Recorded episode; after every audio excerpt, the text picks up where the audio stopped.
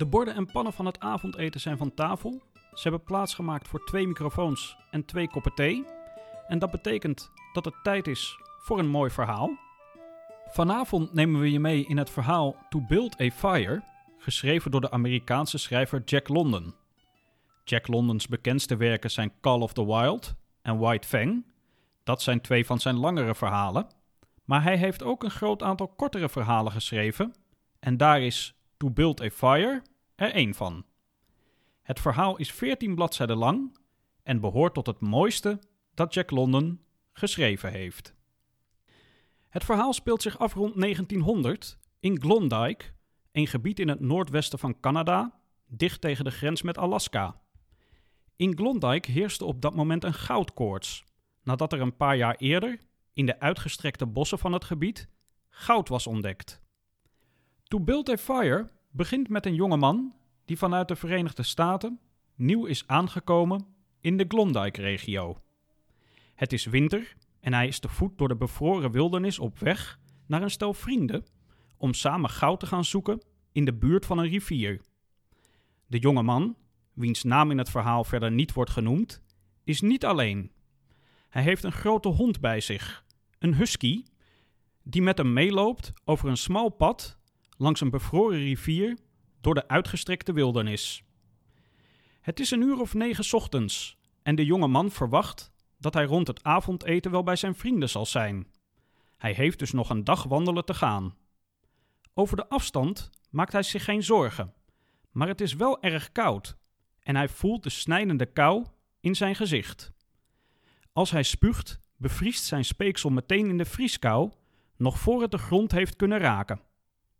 In het begin verloopt de tocht voorspoedig. De jonge man maakt zich weinig zorgen over de snijdende kou. Maar hij let wel op kleine zijriviertjes die ze onderweg tegenkomen. De brede rivier waar ze langs lopen is hard bevroren, maar hij weet dat die zijstroompjes verraderlijk zijn, omdat die vaak niet helemaal bevriezen. Wel aan de bovenkant, maar daaronder niet. Dus als hij dan niet oppast, kan hij door die bovenlaag heen zakken en als hij dan natte voeten oploopt in die vrieskou, dat is gevaarlijk. Dus bij die zijstroompjes is hij voorzichtig. Rond het middaguur besluit de jonge man te gaan lunchen. Hij maakt een vuur, eet daarbij zijn lunch, hij rookt nog een pijp en hij gaat weer verder. Maar dan gaat het al vrij snel mis.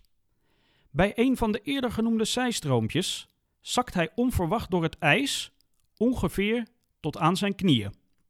Hij vloekt, want hij begrijpt dat hij nu vertraging oploopt en dat hij een vuur moet gaan maken om zijn schoenen te drogen, om zo te vermijden dat zijn voeten zullen bevriezen. Hij maakt vlug een vuur en ondertussen denkt hij aan een man, waarschijnlijk ook een goudzoeker, die hij eerder was tegengekomen en die hem had gewaarschuwd dat het bij extreem lage temperaturen te gevaarlijk is om in je eentje de wildernis van Klondike in te gaan. Als het vuur goed brandt en de jongeman zich veilig voelt, moet hij toch een beetje lachen om die oude baas. Maar dan volgt nieuwe tegenslag. Hij heeft zijn vuur namelijk onder een grote dennenboom gemaakt. Het vuur is boven op de besneeuwde takken van de dennenboom in gaan werken, met als gevolg dat er opeens een enorme lading sneeuw naar beneden komt, die in één klap zijn vuur dooft. De jonge man bedenkt dat die oude goudzoeker misschien toch wel gelijk had. Hij moet een nieuw vuur maken en realiseert zich dat hij waarschijnlijk door de extreme kou nu sowieso wel een paar tenen kwijt zal raken. Maar als hij vervolgens wat gras en takjes heeft verzameld, komt hij erachter dat zijn vingers inmiddels ook al zo ver bevroren zijn dat hij geen lucifers meer kan afsteken. Hij raakt in paniek. Hij doet nog verschillende verwoede pogingen om toch nog een vuur te maken, maar dat lukt niet. Hij krijgt dan het lugubere idee om de husky, die nog altijd bij hem is, te doden en zijn handen op te warmen in het dode hondenlichaam. Hij doodt de hond uiteindelijk niet. In plaats daarvan begint hij, uit pure wanhoop, over het pad door de wildernis verder te rennen. Maar dat houdt hij niet lang vol. Hij valt, rent verder, valt weer en komt dan tot het besef dat hij het niet gaat halen. Hij geeft zich over aan de kou en zakt weg in een diepe slaap. De husky, die al die tijd in zijn buurt is gebleven, ziet dan dat de jonge man geen vuur gaat maken waaraan hij zich kan warmen. Hij inspecteert de jonge man nog wat beter en krijgt in de gaten dat de jonge man dood is. Dan gaat de husky er vandoor in de richting van andere mensen die hem van voedsel en vuur kunnen voorzien. Dat is hoe het verhaal eindigt. Nu is de vraag: waar gaat dit verhaal over en wat hebben we hier uitgehaald? Het eerste wat in mij opkomt is de natuur, de plek die de natuur heeft in het verhaal. Ik ben zelf een groot natuurliefhebber, dat spreekt mij enorm aan. En eigenlijk begint het al vanaf, de, vanaf het begin van het verhaal. Uh, daar wordt het aanbreken van de dag uh, beschreven. Die breekt koud en grijs aan. Buitengewoon koud en grijs. En dan in diezelfde openingszin wordt de hoofdpersoon geïntroduceerd in die natuur. Als de man die bij het aanbreken van de dag een zijpad neemt van de Yukon Trail. En gedurende het hele verhaal wordt de natuurlijke omgeving waarin de man loopt en zich bevindt beschreven. Het gaat dan over bevroren en besneeuwde heuvels, bergen, de vallei door de dennenbossen worden beschreven, het pad langs en op de Henderson Creek en de bedding van die kreek. Ja, ik kan me er direct helemaal in verplaatsen. Je ziet het voor je, hè? Ja, je, Ziet, je ziet het je voor ziet hem echt door die wildernis lopen. Ja, dus in het begin is die hele wereld stil, koud en wit. Ja. En dat pad waarop hij loopt, dat is eigenlijk nauwelijks zichtbaar. Want er wordt op een gegeven moment ook een, uh, beschreven dat hij boven op een bergpas staat en die omgeving bekijkt, van noord naar zuid. Die enorme uitgestrektheid ook van dat gebied. Het is helemaal leeg, stil. Uh, en dan zie je dat als een haarlijntje de Yukon Trail liggen. En dan wordt er ook, er worden nog een aantal plaatsen genoemd waar langs de Yukon Trail gaat. En uiteindelijk komt hij dan uit in de Beringzee. Mm en ik heb ansichtkaarten gezien van die, uh, in die tijd van die plek aan de Beringzee waarop die Yukon Trail uitkomt. Mhm. Ja, dat is gewoon heel indrukwekkend. Zo'n kleine, stille plaats met bevroren boten in die zee. Ja. Ja, heel indrukwekkend. Ja, nee, zeker. Ik, uh, ik herken het. En ik denk dat het wel leuk is om daar nog even iets verder op in te gaan uh, met betrekking tot die tijd waarin dit verhaal zich afspeelt. Want het speelt zich dus echt af tijdens die periode van dat goud zoeken. En het was gewoon een heel erg afgelegen gebied. Heel grote wildernis daar in het noordwesten van Canada. Ja. En in 1896 werd daar opeens goud gevonden. En nou was het, het fenomeen van goud vinden was niet iets nieuws. Ik bedoel, eerder in die 19e eeuw was in Californië was ook al goud gevonden. Maar nu werd er daar dus in Klondike ook goud gevonden. En dat werd enorm groot opgepakt door met name de Amerikaanse media. Niet eens zozeer in Canada zelf, waar dat gebied ligt, maar met name in de Amerikaanse media werd dat heel groot opgepakt door uh, verschillende grote Amerikaanse kranten. En die, zoals dat wel vaker gaat met nieuws, die bliezen dit nieuws flink op. Met als gevolg dat eigenlijk een soort hype ontstond. En wat gebeurde er? In Amerika, uh, ja, duizenden figuren die voelden zich aangetrokken tot dat verhaal. En die uh, besloten daarheen te gaan om dus goud te zoeken, om hun geluk te beproeven.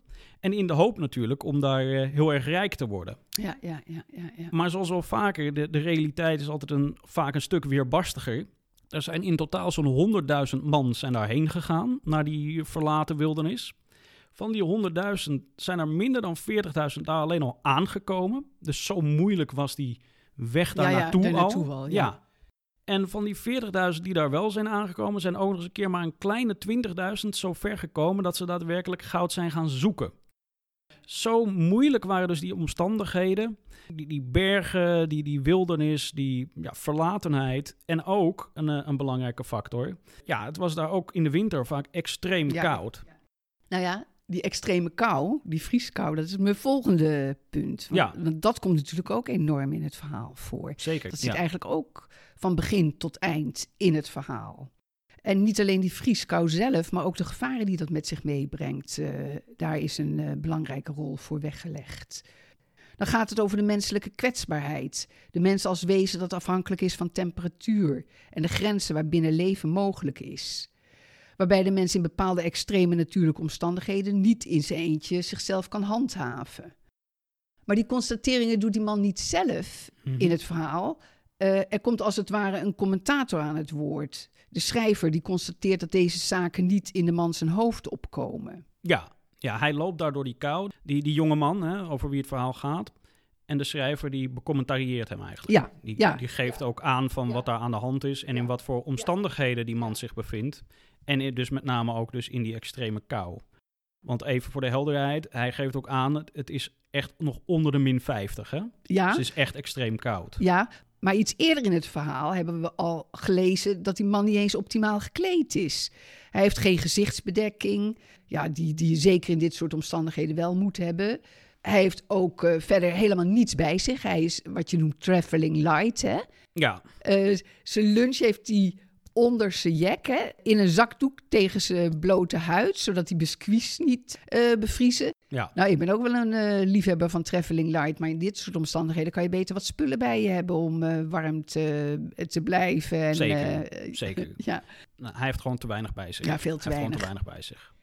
En even verderop in het verhaal komt die beschrijving van die risico's van die natte voeten in dat soort temperatuur. Dat weet hij wel. Hè? Ja, hij ja, weet ja. wel dat hij, dat heeft hij van die oude man bij, eh, ja zeg maar, dat noemen we de oldtimer. Hè? Die oude maat die eh, hem heeft eh, gewaarschuwd. Dat je, als je eenmaal natte voeten hebt, dan, dan moet je ze drogen. Want als je gaat rennen, noem maar op, dan heb je nog eerder, zodra je gaat rennen, wordt het alleen maar erger. Des te harder je loopt, des te sneller bevriezen je voeten. Dat, daarvoor heeft hij gewaarschuwd. Ja, maar die, dat advies heeft hij in de, in de wind geslagen. Ja.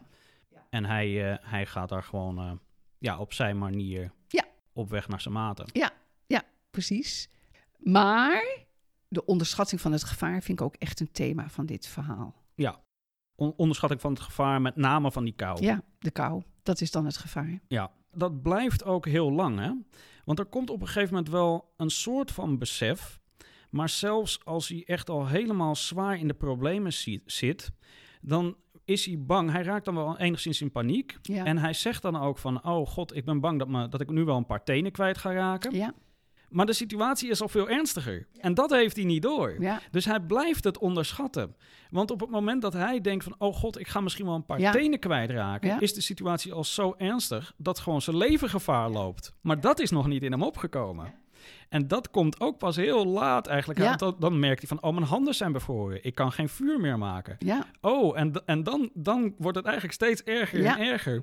ja, Tot hij eigenlijk helemaal op het einde het heeft opgegeven. En dan realiseert hij zich pas werkelijk van... ja, ik ga het gewoon niet halen. ja. Het is precies Zo, zoals zo je nu... ver gaat, Ja. dat, gaat dat door. Ja, ik herken helemaal zoals je dit nu zegt. Ja, Eh, want dat vind ik echt fascinerend en knap beschreven. Dit proces wat jij dus nu beschrijft. Mhm. Hoe die man in eerste instantie door zijn beperkte voorstellingsvermogen... Mhm. de levensbedreigende situatie niet beseft. nee. Vervolgens onderschat. Ja. Hè, maar dan, ja, dan- precies. Ja. Eerst beseft hij het gewoon niet, vervolgens onderschat hij het inderdaad. Ja. Om daarna, eh, eigenlijk zeg je het al, via een fase met wisselende gemoedstoestanden Ja. van euforie naar angst. Klopt. En tussen hoop en vrees. Ja. Dat wisselt elkaar de hele tijd eh, af. Hè? Op die momenten gaat het door hem heen dat eh, die oldtimer ongelijk had. Als het een beetje goed gaat, dan denkt hij nee, hij heeft ongelijk Ja. gehad. En vrees, op die momenten denkt hij, ja, die oldtimer heeft me gewaarschuwd. Mhm. En dan uiteindelijk, aan het eind van het verhaal, stap voor stap, tot het besef komt dat hij deze tocht, doordat hij er alleen voor staat, niet gaat overleven. Nee. En toch, hè, ondanks dat hij het allemaal onderschat... en je, je kan natuurlijk zeggen, als je het hebt gelezen helemaal... je kan natuurlijk zeggen, hij is heel dom bezig geweest. En toch heb ik wel een bepaald begrip voor hem. Want ik zat te denken, eh, de, vraag kwam gewoon in mij op van... goh, vind ik hem nou echt heel dom in hoe hij hier bezig is? Heel grappig, heb ik ook over gedacht. Ja, Ja. en ik moet zeggen, weet je, ik vind het allemaal nog wel meevallen. Ik kan het me wel voorstellen dat het zo gaat. Want als je bijvoorbeeld even gaat stilstaan bij wat waarschijnlijk de achtergrond van deze jongen is. Dit is er zo een die uit Amerika is gekomen. En waarschijnlijk komt hij uit Californië, want daar, daar kwamen er heel veel vandaan. Nou ja, weet je, zonnig. Hij kent dat hele gebied niet. Het zegt hem natuurlijk helemaal niets. Hij is daar gewoon waarschijnlijk heen gegaan omdat hij geen geld heeft. En hij hoopt daar ook gewoon rijk te worden. Hij heeft geen idee wat hij daar tegen gaat komen. Dus hij, wordt, hij komt gewoon in een wereld die hij totaal niet kent. Ja, zo vreemd vind ik het allemaal niet hoor. Dat hij de boel daar totaal onderschat. En ook die, die oude baas die hem dan heeft gezegd van... ja, weet je, je moet niet in je eentje de wildernis... is natuurlijk een, mooie, een mooi verschijnsel in dat verhaal, die oude man. Maar ja, weet je, het is nou ook weer niet zo dat iedere oude man automatisch een wijsheid Ja, ja, brengt ja. of zo, weet je wel? Ik bedoel, het is niet zo van, oh, Ja, die man die snapt het allemaal, dus ik ga hier niet lopen, weet je? Dat is niet zo. Dat hoeft helemaal niet zo te zijn. Dus ik kan me ook best voorstellen dat hij denkt van, ja, weet je, die man kan het wel zeggen, maar volgens mij is er helemaal niets voor aan de hand, weet je? En voor hetzelfde geld is er ook niet zoveel aan de- hand. Ja, in dit geval dus wel, want het gaat helemaal mis. Maar, maar dit ging wel zo door me heen. Van ja, hoe, hoe- weet je? Hij komt in een wereld die hij niet kent. Ja. Ja, het, het loopt volledig noodlottig af natuurlijk. Maar ja, hij heeft ook wel, wel, wel pech in bepaalde opzichten, weet je wel. Het is, het is niet zo dat je kan zeggen, goh, hij doet hier echt dingen. Dat is volkomen eh, niet te begrijpen of echt heel erg dom of zo. Ik vind, ik vind het wel meevallen. Ik kan heel ver met je Mhm. meegaan, hè? Ja, Ik moet eerlijk zeggen, in zekere opzicht gaat het advies van niet alleen gaan. Eh, ik bedoel, we zijn allebei lid van de Bergsportvereniging. De Bergsportvereniging zegt ook altijd nooit alleen het Hooggebergte in. Dat komt toch wel voor dat je alleen het Hooggebergte ingaat voor een tocht. En dat het dus wat dat betreft, of nooit alleen een schaatstocht maken. Dat, Ik Ja. bedoel, daarmee kan je het Ja. zelfs... eh, nee, maar ik bedoel, ja... dat, is nog wel van een andere orde, want dit is natuurlijk nog veel riskanter wat hij doet. Mhm. Ja, nou ja, aan de andere kant, zelfs als je heel erg goed voorbereid bent, als je ziet hoeveel mensen er in die bergen jaarlijks overlijden, Ja, ja, ja, ja. ook hele mensen met enorm veel ervaring, Ja, de gevaren zijn er gewoon. En die zijn er altijd. Ja. En die zijn er ook voor mensen die super ervaren zijn. En dat, weet je, je loopt gewoon een bepaald risico. Iedereen. Iedereen die zich in die berg gaat begeven of in, in extreme natuuromstandigheden begeeft, je kan nog zo goed voorbereid zijn, je loopt risico. Mee eens. Want heel veel van die bergsporters hebben ook eh, gewoon eh, eh, misse vingers of Ja. stukken van hun voet of van hun tenen. Ja. Door bevriezingsverschijnselen heel hoog in dat eh hooggebergte. Ja, zeker. Ook een volgend thema waar ik het over zou Mhm. willen hebben. Dat is het dierlijk instinct. Ja, Maar ook zijn omgang met die hond. ja, ja. En ik vind in het verhaal wordt heel erg mooi eh, beschreven dat het gaat om een inheemse husky. Die hond is, is gewoon al, ik weet niet hoe lang, eh, daar aanwezig. En die is volledig toegerust op het doorstaan van deze omstandigheden. En instinctief, generatie op generatie van die huskies is al doorgegeven. Eh, dat zit helemaal in die instincten hoe te handelen. Vind ik prachtig. Want die, die hond krijgt ook op een gegeven moment eh, natte poten. Hè? Hij krijgt die natte poten omdat die jonge man hem voor zich uit op een, een stuk gevaarlijk stuk ijs jaagt. En die hond die wil al eigenlijk helemaal niet, Ja. maar die moet natuurlijk van die man en die zakt er dan door. En dan eh, eh, bevriest eh, dat, dat water bevriest meteen aan zijn poten, maar hij bijt het meteen weg. hè? Gelijk. Instinctief weet hij wat hij moet doen dan gelijk. Ja. Ja, dat, dat, dat is ook super mooi. Dat vind ik ook een super mooi ding in het verhaal. Je hebt enerzijds die man die, waarvan je kan zeggen, hij komt uit het zuiden. Wat heeft hij daar in godsnaam te zoeken? Helemaal niks. En anderzijds heb je die hond die daar ja, helemaal thuis is. Die gewoon eh, precies weet eh, wat er aan de hand is. Want ook die temperatuur, dat heeft die hond ook door. die hè? heeft die hond prachtig hij- door. Ja, want Die hond wil blijven bij dat vuur wat gemaakt is. En dat wordt ook zo mooi eh, beschreven. Ja ik, ja, ik vind het echt gewoon, wat dat betreft, echt een fantastisch verhaal. ja, zeker. Want die, er wordt ook zo mooi beschreven dat die hond dan tevreden bij dat vuur ligt uitgestrekt. En wat dan ook zo mooi is, vind ik, dat het dan staat dicht genoeg om zich te warmen en ver genoeg zodat hij niet verschroeit. Ja. Dan denk ik ook gelijk, ja, dat doet hij instinctief. Hij weet precies welke afstand hij moet houden eh, tot dat vuur. En als die man dan na de lunch weg wil bij dat vuur, wil hij niet weg. En dan wordt er beschreven, de hond was bekend met zulke koude temperaturen. De omgang met extreme kou zat al generaties lang in zijn genen. Hij wist, met deze gevaarlijke kou is het niet goed om buiten te lopen. Het is dan tijd om lekker in een sneeuwhol te blijven liggen, om door die extreem koude periode heen te komen. Ja. Ja, Ja, die hond heeft het ja, vind ik echt prachtig. Ja. En wat jij zei, die relatie tussen die hond en die man, dat wordt in dat deel voor het eerst in het verhaal ook heel mooi beschreven. Dat er geen intieme band was tussen die man en die hond. Nee, helemaal niet. Maar wat ik daar, dat inderdaad, maar wat ik daar dus ook heel mooi aan vind, is dat je hebt dus eerst, heb je dus die man die echt heel lomp met die hond omgaat. Hè? Ja, Ik bedoel, die hond, Ja. het is gewoon een lastdier. I- In de zin van waarschijnlijk wordt hij meegenomen om dingen te gaan sjouwen en Ja. te verslepen en zo. Ja. Maar verder geeft hij helemaal niks om dat beest. Nou, hij jaagt hem eerst al voor zich uit eh, zo'n zo'n zwak stuk ijs op. En eh, later komt hij ook gewoon op het idee van... nou ja, ik ga hem proberen te doden... zodat ik mijn handen in hem kan warmen, weet je wel? Ja. Maar wat ik zo mooi vind, is dat omgekeerd is het precies hetzelfde. Want die hond, dat wordt eigenlijk pas helemaal op het einde duidelijk... dat die hond ook helemaal niks om hem geeft. Want de enige reden dat die hond hem volgt... is gewoon met het idee van hij geeft mij eten en hij maakt vuur. En op het moment dat, dat die hond dus merkt van... hé, hey, die man is dood, dan gaat hij ook gewoon meteen weg. Dat, dat vind ik ook zo mooi. Terwijl de band tussen hond en mens eh, kan heel bijzonder zijn. Kan Eh, heel sterk zijn, ja. ja. ja. Want ik had een collega die een hartstilstand kreeg. Mhm, eh, waar haar man bij in de buurt was, maar die had niks door. mhm. Maar zij hadden ook een hond. En hij merkte dat er wat aan de hand was doordat die hond tegen die vrouw aan begon te liggen. Ja. En van die zachte jankende geluiden begon te maken.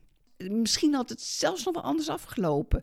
Dat die, als die man wat had opengestaan voor dat instinct van die hond. En hij wil niet weg bij dat vuur. Dat je, als je een goede band met die hond hebt, dat je dan gaat nadenken: waarom wil hij niet weg? Weet ja, je wel? ja, ja, ja, zeker. Ja, ja, ja, ja. En dan, dan Ja. had hij opengestaan voor signalen van die hond. Maar dan was die situatie waarschijnlijk al zo anders geweest. Want dan had die hond waarschijnlijk ook al veel helderder aangegeven van... we moeten dit niet doen. Ja, Ja, ja, dus, dus dat vind ik nog wel iets heel moois in dit verhaal hoor. Eh, zeker. waar ook gewoon diep op ingegaan wordt. Ook op die relatie tussen die man en die hond. Ehm, dan, eh, dan denk ik dat we er wel zijn, hè? Ja, dat denk ik ook. Jammer genoeg, want eh, het is echt eh, een verhaal wat allerlei dingen in zich heeft waar ik van hou. Ja, zeker. Ja. Zeker. Nee, ook ik hoor. Het is echt een, ja, het is een prachtig verhaal. Er is nog één ding wat ik wel even leuk vind om te vertellen. En dat is over Jack London zelf. Ja, hij heeft dit verhaal geschreven in 1908. En hij, hij is er zelf ook geweest. Dus hij is zelf in dat Klondike-gebied geweest tijdens die goudkoorts. Het is zo dat in 1897 de man van een van zijn stiefzussen besloot daarheen te gaan. Dus dat was een van die figuren die Ook door dat net verhaal... zeggen, Zo'n goudzoeker. Ja, dit Oh, was ja? een van die figuren die Oh, door dat God. verhaal werd aangetrokken. En die dacht, ik ga daarheen. Ja, ja. En Jack London is toen meegegaan. En ze zijn daar dus heen gegaan. Ze zijn ook echt in dat gebied wel aangekomen, zij dus wel. Eh, maar het is absoluut geen succes geworden. Jack London heeft zelf al eh, vrij snel scheurbuik opgelopen. Oh. Ja, waarschijnlijk door ja, vitaminetekorten. Ja, en eh, nou ja, dus die, eh, die was er al vrij snel heel slecht aan toe. En hij is daar één winter geweest en toen snel weer weggegaan. Ik geloof ook niet dat hij zelf echt goud heeft gezocht. Maar hij heeft daar wel natuurlijk veel verhalen gehoord. Precies, ja. En het is voor hem wel een inspiratiebron geweest voor, ja, voor veel van de verhalen die hij heeft geschreven. Waaronder dus dit verhaal, To Build a Fire. Ja, dat vond ik wel leuk om nog even gezegd te hebben. ja, zeker. Dan als, eh, als afronding zeg ik tegen de luisteraar bedankt voor het luisteren. We gaan afronden met een fragment uit het verhaal. En dat is in dit geval een fragment dat heel dicht tegen het einde van het verhaal aanzit. De jonge man weet inmiddels dat hij het niet gaat halen. Hij is in de sneeuw ineengezakt en hij doet ook geen poging meer om nog verder te komen. En hij komt eigenlijk al in een soort droomfase terecht, een, een afsluitende droomfase. En dan wordt het volgende beschreven. Het is toch echt wel verdomde koud, dacht hij bij zichzelf. Als hij terug zou zijn in de Verenigde Staten, zou hij zijn maten wel vertellen wat echte kou is. Zijn gedachten dwaalden af naar een visioen van de oude baas bij Sulphur Creek. Die zat er goed bij, lekker warm en comfortabel. Je had gelijk, oude baas, je had gelijk. De jonge man zakte weg in wat de prettigste slaap leek die hij ooit had gekend. De hond zat tegenover hem en wachtte terwijl de korte dag overging in een lange, trage schemering.